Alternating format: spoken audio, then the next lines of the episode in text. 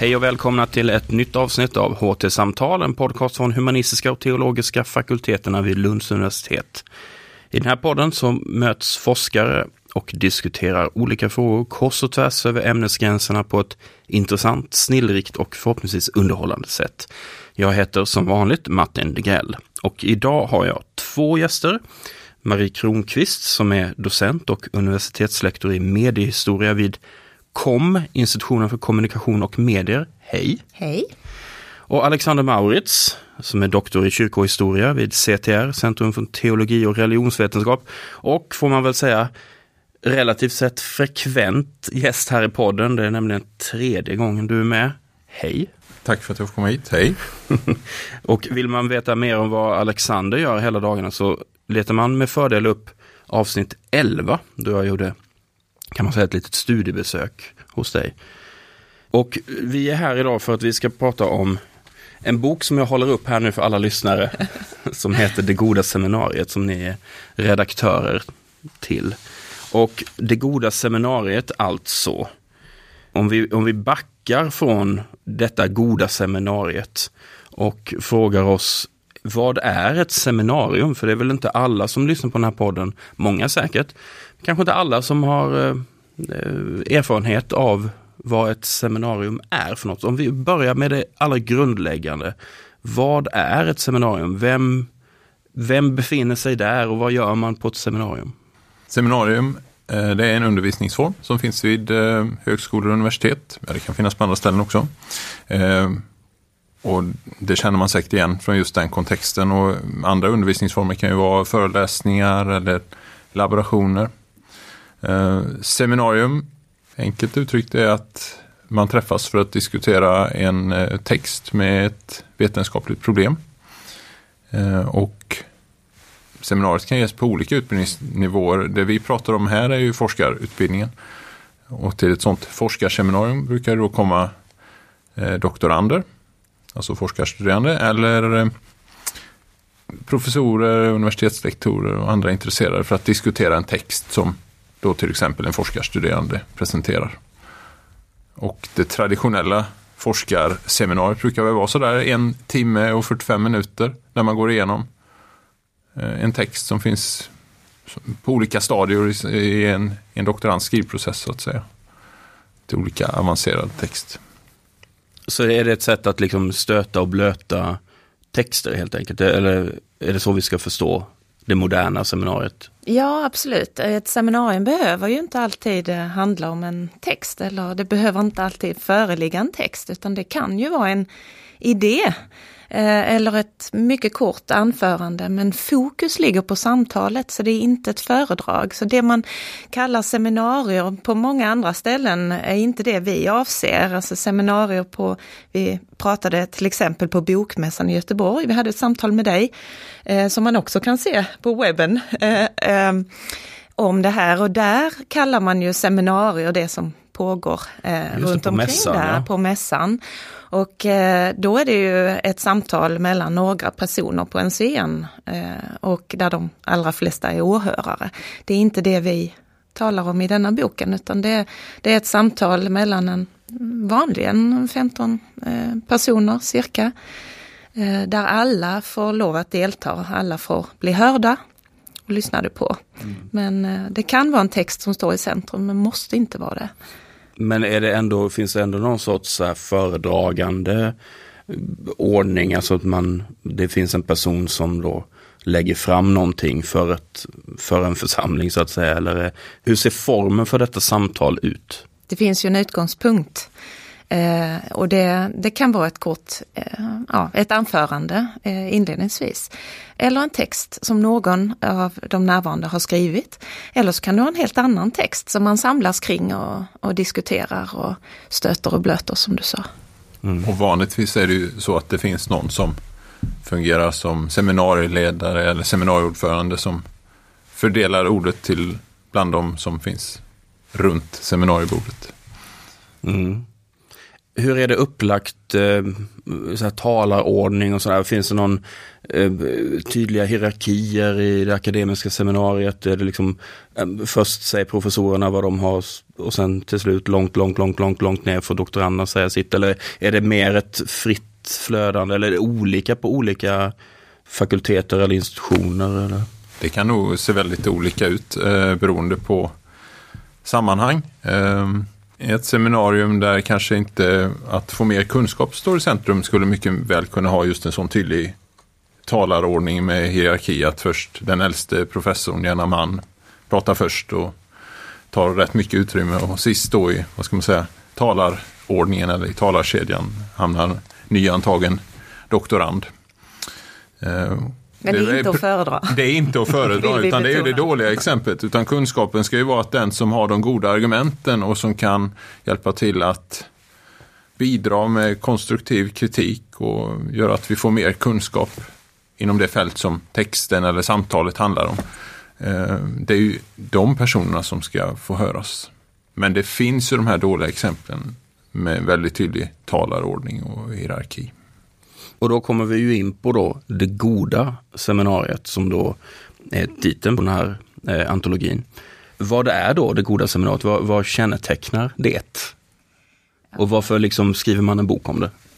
Ja, det är två olika frågor. Men om man börjar med den frågan vad, vad det goda seminariet kan vara, så är det ju, alluderar ju på det goda samtalet som är en föreställning som finns eh, och som ofta refereras till i olika sammanhang.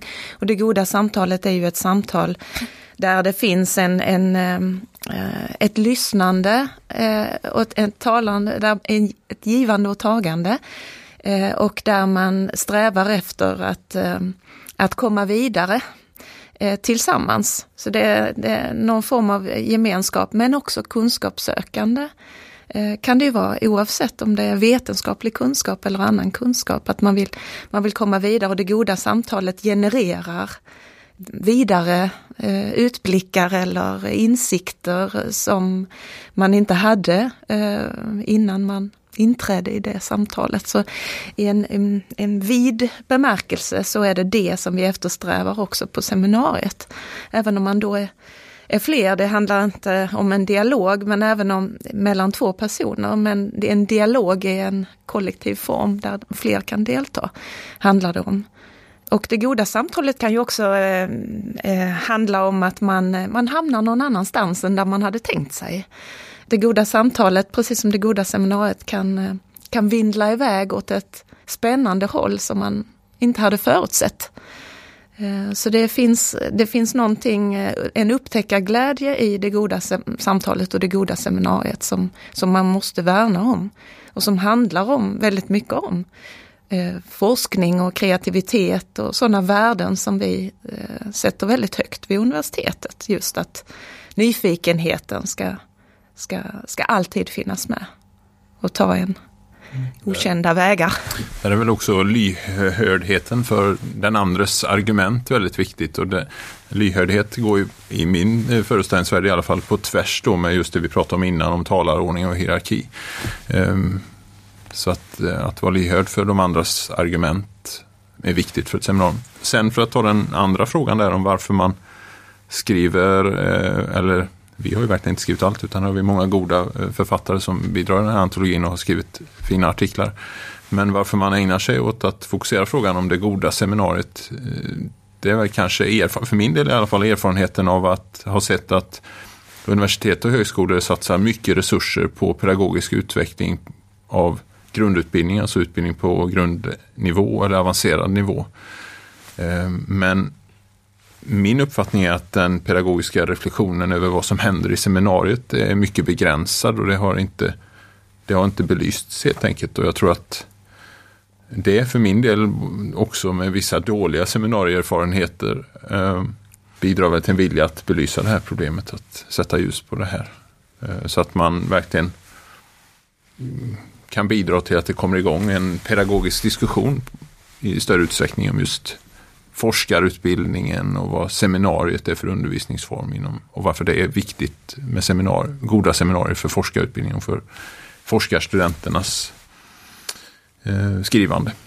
Och medan föreläsningen som Alexander nämnde tidigare så finns det olika undervis undervisningsformer.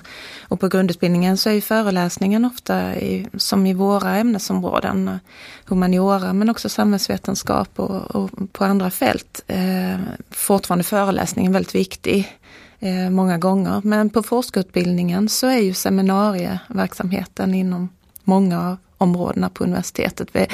Nästan det mest centrala, eller den allra mest centrala. Och då är det ju väldigt viktigt att vi vet hur att vi vet mer om och söker mer kunskap om hur lär vi oss saker på ett seminarium och hur kan vi, hur kan vi skapa det goda seminariet för våra nya eh, forskarstuderande. Och hur kan vi tillsammans göra det mer, alltså högre kvalitet på forskarutbildningen med hjälp av det här. Så det var ju liksom en utgångspunkt för oss när vi eh, satte igång det här projektet som resulterade i den här antologin. Jag föreställer mig också att om man skriver en bok med det här, detta fokus då på det goda seminariet, då måste man också rimligen ha erfarenheter av motsatsen, alltså det dåliga seminariet. Och jag föreställer mig att man har en, det finns en vilja att då lyfta fram det goda seminariet istället för då det dåliga. Så eh, vad har ni för erfarenheter själva då av det dåliga seminariet? Om du inte behöver gå in på detaljer, men alltså för någonstans så känns det som att för att definiera det goda så måste man ju kunna definiera det dåliga. Och det antar jag eh, ligger lite grann i ens egen erfarenhet. Jag tror att alla som eh, jobbar som forskare och lärare inom eh, universitet och högskolor har erfarenhet av dåliga seminarier. Och de kan ta sig lite olika uttryck. Det kan vara att man själv lägger fram en text och blir nedgjord. Man får mycket kritik. Det kan ibland vara berättigat men kritiken kan levereras på ett sådant sätt så att det inte landar på ett bra sätt. Sen tror jag också att en av orsakerna till att det blir dåliga seminarier eller att det blir tydliga talarordningar som, som kanske inte behöver finnas där och som gör att vissa människor aldrig kommer till tals fast de har mycket eh, goda argument att komma med. Det är att man, man inte har talat om vad seminariet är för plats och vad man ska göra i seminariet och vilken funktion seminariet har. Det är väl egentligen den grundläggande dåliga erfarenheten som jag har, eller alltså grunden till att jag själv har några dåliga erfarenheter. Att man i de sammanhang där jag har funnits har man egentligen aldrig talat om varför har vi seminariet och vad vill vi ska komma utav det. Och att man också kanske ibland är dålig med på att tydliga, vad är det för text vi har här vi ska diskutera idag? Vilken typ av synpunkter är det vi vill ha till den här texten? Ehm, då tror jag att det kan komma en massa missriktade synpunkter om man inte är överens om att här har vi en eh, text som är närmast utkast till någonting eller en preliminär idé. Men så kan det komma synpunkter som handlar om en där någon förväntar sig att egentligen ha läst en färdig text. Det är just detta att man inte tydliggör generellt, vad, vad har vi seminarium till? Men inför varje, när varje seminarium börjar, vad är det här för text vi har? Vad ska vi göra med den här texten? Det tror jag bidrar till att man kan få dåliga erfarenheter. Ja, en utgångspunkt som vi hade när vi gjorde den här boken, det var ju också att det fanns en bakgrund, ett antal undersökningar som har genomförts med doktorander vid vårt eget universitet men också nationellt. Bland annat finns det någonting som heter doktorandbarometern där doktorander får svara på frågor om sin utbildning och sin arbetsmiljö och så. Eh, där många har uttryckt på olika sätt både farhågor men också dåliga erfarenheter av arbetsmiljön och seminarierna är, det är ju väldigt mycket en arbetsmiljö för oss forskare. Ehm, och ehm, det fanns också oroväckande ehm, svar på eh, olika, en jämställdhetsenkät som skickades ut, tror jag 2012, stämmer det Alexander? Mm. Vid vår egen fakultet HT, där svaret också eh, pekade i riktning mot att kvinnliga doktorander i högre grad än manliga upplever miljön som eh, problematisk och samtalsklimatet som problematiskt. Och många av de synpunkterna hörde sig just på eh, synpunkter på seminariet. Eh, ja, hierarkier men också det här med att manliga doktorander i väldigt hög grad får ta plats medan kvinnliga ibland. Det är inte alltid så och inte alltid så på alla institutioner men, men det finns ett sådant generellt mönster. Och det är också en viktig, var en viktig utgångspunkt för oss att det här måste ju vi gemensamt ta ta ansvar för och ta, eh, ställa till rätta om vi kan det. Göra den till en miljö där alla får lov att ta plats och trivas. Det citeras här i, eh, jag vet inte om det är ni som har citerat det eller om det står i, i själva antologin, men, men Charlotte Block eh, som säger att seminariet är lika delar passion och paranoia. Det, det kanske reflekterar den här doktorandbarometern lite grann då. Att det finns en stor potential i seminariet som form, men att man samtidigt, det, det kanske upplevs som en, en utsatt plats. Eh, mm. Och det är kanske inte den idealbild man vill ha av det. Nej. Nej, just det. Och eh, Charlotte Block som kultursociolog från Danmark, hon mm, pratar om universitetslivet generellt, men man kan ju se det seminariet som ett mikrokosmos eh, för en, ja, en slags eh, en, en, plats, en kondenserad plats där universitetslivet liksom utspelar sig. Eh, och absolut, till viss det, det är väldigt mycket känslor i seminariet. Vi har en text i boken av Orvar Lögren som talar om seminariet som känslorum. Eh, och att vi ofta premierar det svala i akademin. Det, det är det vetenskapliga eh, eh, avskalade som ska råda men eh, under ytan bubblar det väldigt mycket känslor. Och väldigt mycket på seminarierna just.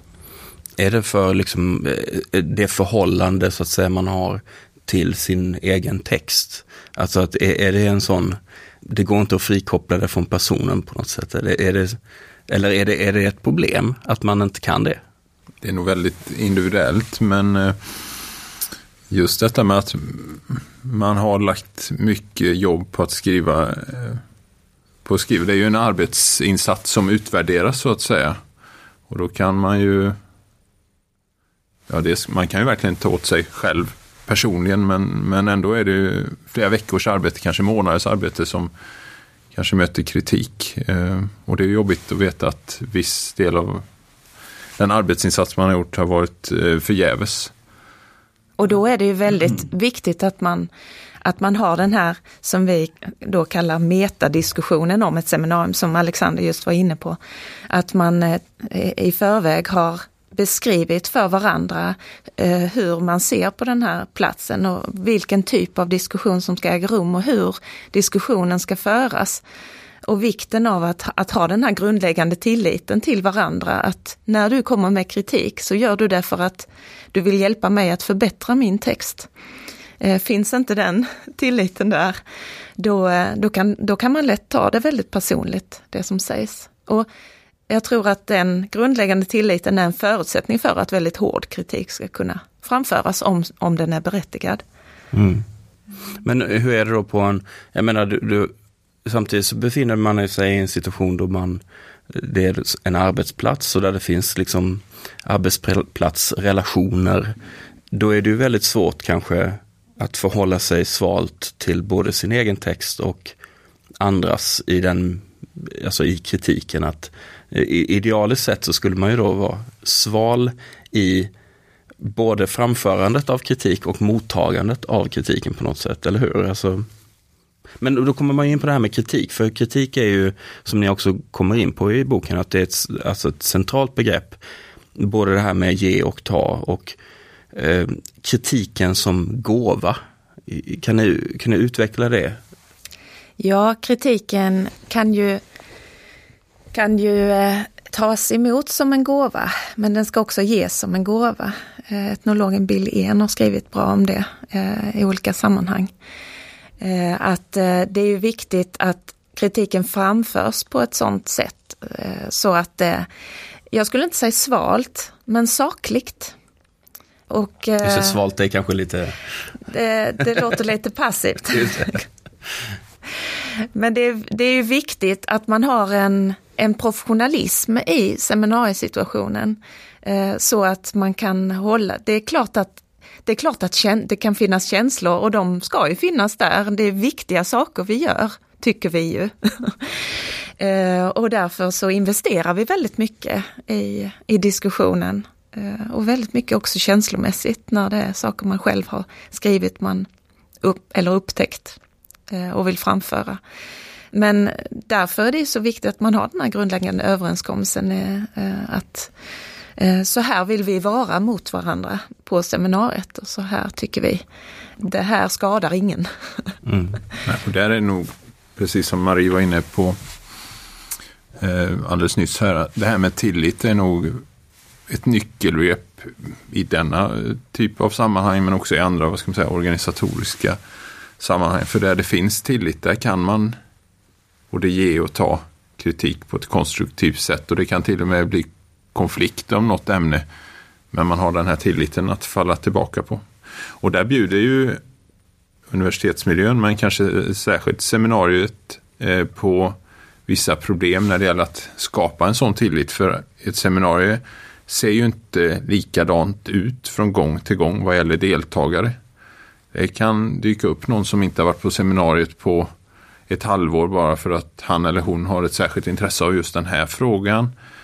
Eh, och det kan eh, tillkomma nya doktorander. Och, så att just att det bjuder vissa problem med att skapa den här tilliten tror jag. För jag tror att man måste vara en rätt sammansvetsad grupp för att få till stånd det här öppna samtalsklimatet där, där känslorna kanske tonas ner och det här med att få bra texter är det som står i centrum.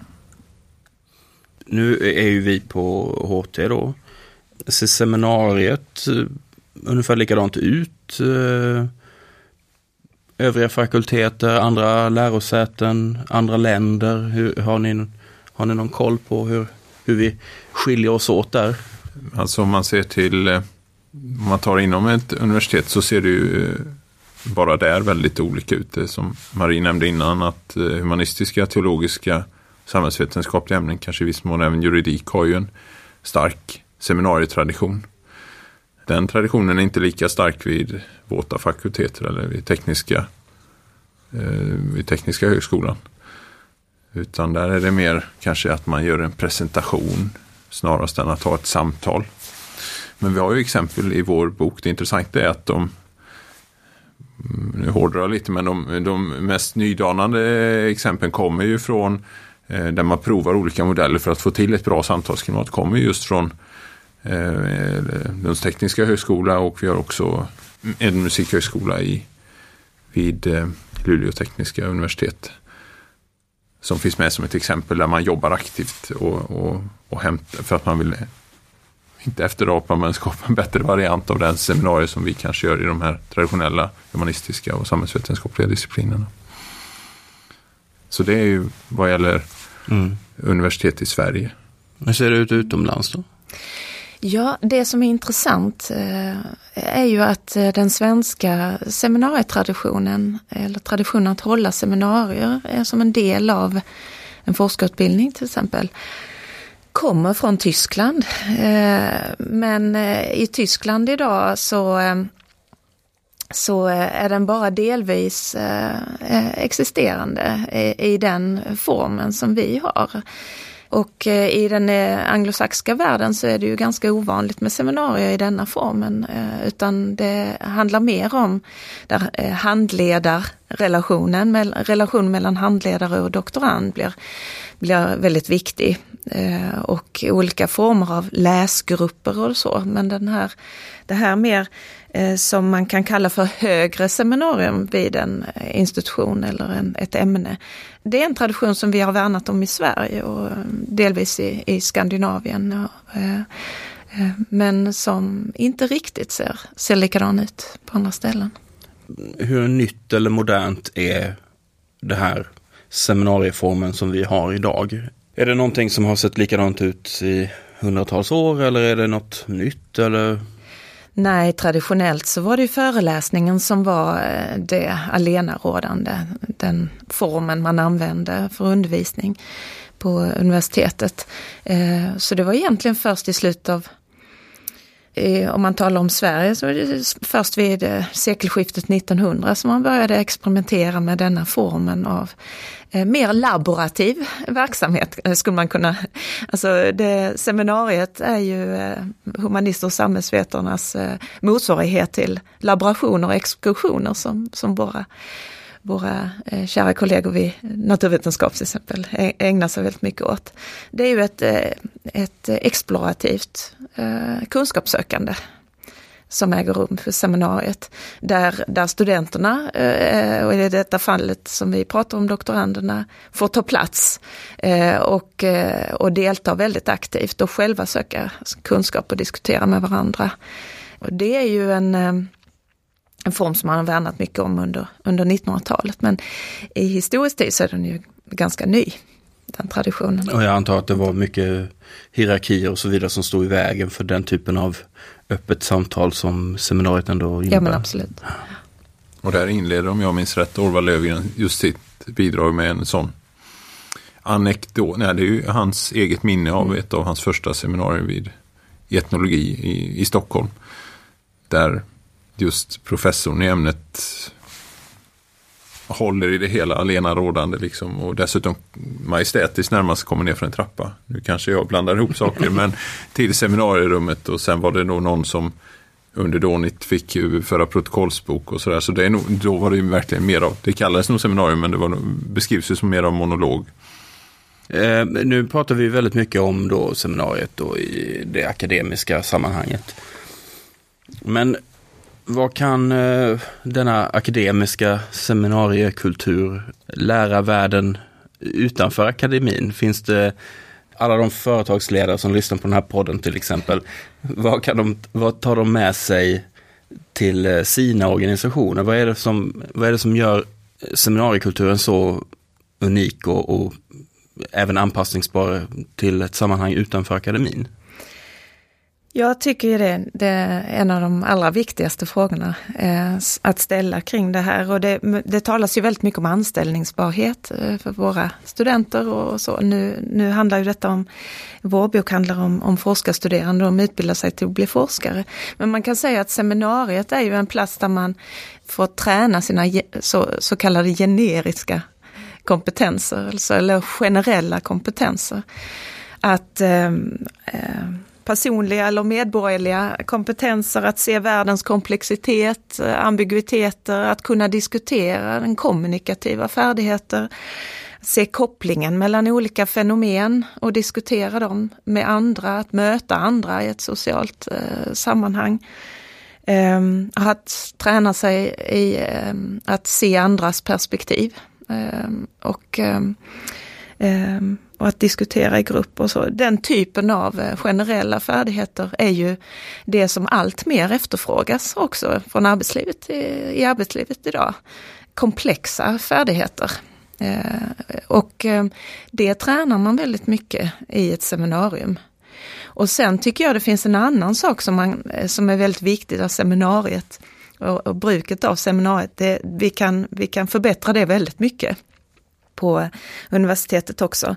Men det som jag tycker samhället i övrigt, och då tänker jag kanske på den offentliga diskussionen och i medierna och så, att det finns en, en, en, en riktning eh, mot polarisering, mot knappt om tid till att diskutera saker och ting. Eh, att debattformatet eh, blir allt mer eh, eh eh, istället för samtalet samtalet som kan ta sig, eh, som jag talade om tidigare, som kan vindla sig åt olika håll, eh, oförutsedda håll, eh, det får inte så mycket plats längre i offentligheten eh, i mitt tycke. Och där tycker jag eh, vi har en väldig läxa att, att, eh, att tillägna oss. Och det, det måste vi komma till rätta med för att bekämpa den typen av, ja vi pratar om faktaresistens, vi pratar om filterbubblor eh, och annat eh, som problem eh, som vi eh, talar väldigt mycket om idag och där, där tror jag att seminariet, formen också skulle kunna eh, få, få ha, vara ett svar på den, de problem som, som eh, sådana fenomen ställer. Om man, om man tänker det ideala seminariet som en plats där, eh, där de goda argumenten och att få mer kunskap står i centrum. Så måste det vara en mycket bra och god arbetsform eh, även i andra organisationer som är kunskapsorienterade. Det är ju inte bara universitet och och högskolor som är det. Så att jag tror att på det sättet kan man lära sig. Ehm, sen tror jag att seminariet, eh, det ideala seminariet också är väldigt egalitärt och det tror jag, då kommer alla de goda argumenten till uttryck. Mm, det är en intressant ledarskapsfråga hur man i företag eller också vid högskolor och universitet låter folk komma till tals. Men det tror jag att man kan det är en arbetsform som kanske kan passa bra även på andra arenor än vid universitet och högskolor. Jag tror jag får bara tillägga en grej. Jag tror också att eh, succén för poddar eh, kan vara, det kan vara ett svar på ett, att det finns ett behov av att låta folk tala till punkt. Som man får göra i denna och andra förträffliga poddar. Eh, att människor har ett behov av att lyssna på lite mer tidskrävande eh, samtal. Eh, och som, eh, som är just samtal och inte debatt. Ja, apropå metareflektera, här har vi faktiskt ett seminarium nu när du säger detta är ju som ett form av seminarium. Nu har vi ju inte riktigt framat detta och pratat om vad vi ville säga med det här seminariet kanske. Men, men, men det levt som vi lär.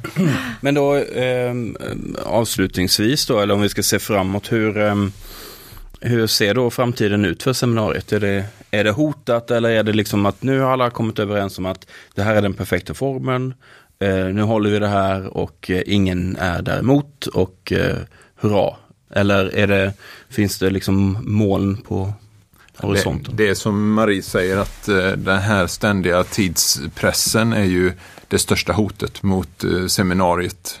Och just det att doktorander har en väldig press på sig att finnas med i många olika sammanhang. Så det här att gå på ett seminarium som inte direkt är relaterat till det man själv håller på, håller på med i sin avhandling det är ju en av de saker som stryks först skulle jag gissa om man är, man är stressad för att hinna färdigt olika arbetsuppgifter. Så att jag tror att man verkligen måste man måste välja vilka uppgifter som ska prioriteras i, för doktorander för att de ska hålla fast vid seminariet och se värdet med att gå på seminarier som inte bara direkt är avhandlingsrelaterade. För det man lär sig på seminarium är ju också att det inte bara att diskutera vetenskap och argument utan också att, eh, att formulera kritik. Att man lär sig det som vi kallar för peer review. Alltså när eh, jämlikar eh, ska värdera varandras forskning. Eh, som man sen gör hela tiden i hela sin karriär eh, när man eh, värderar, man får olika uppdrag att värdera andras forskning. Och seminariet är en väldigt god träning i det.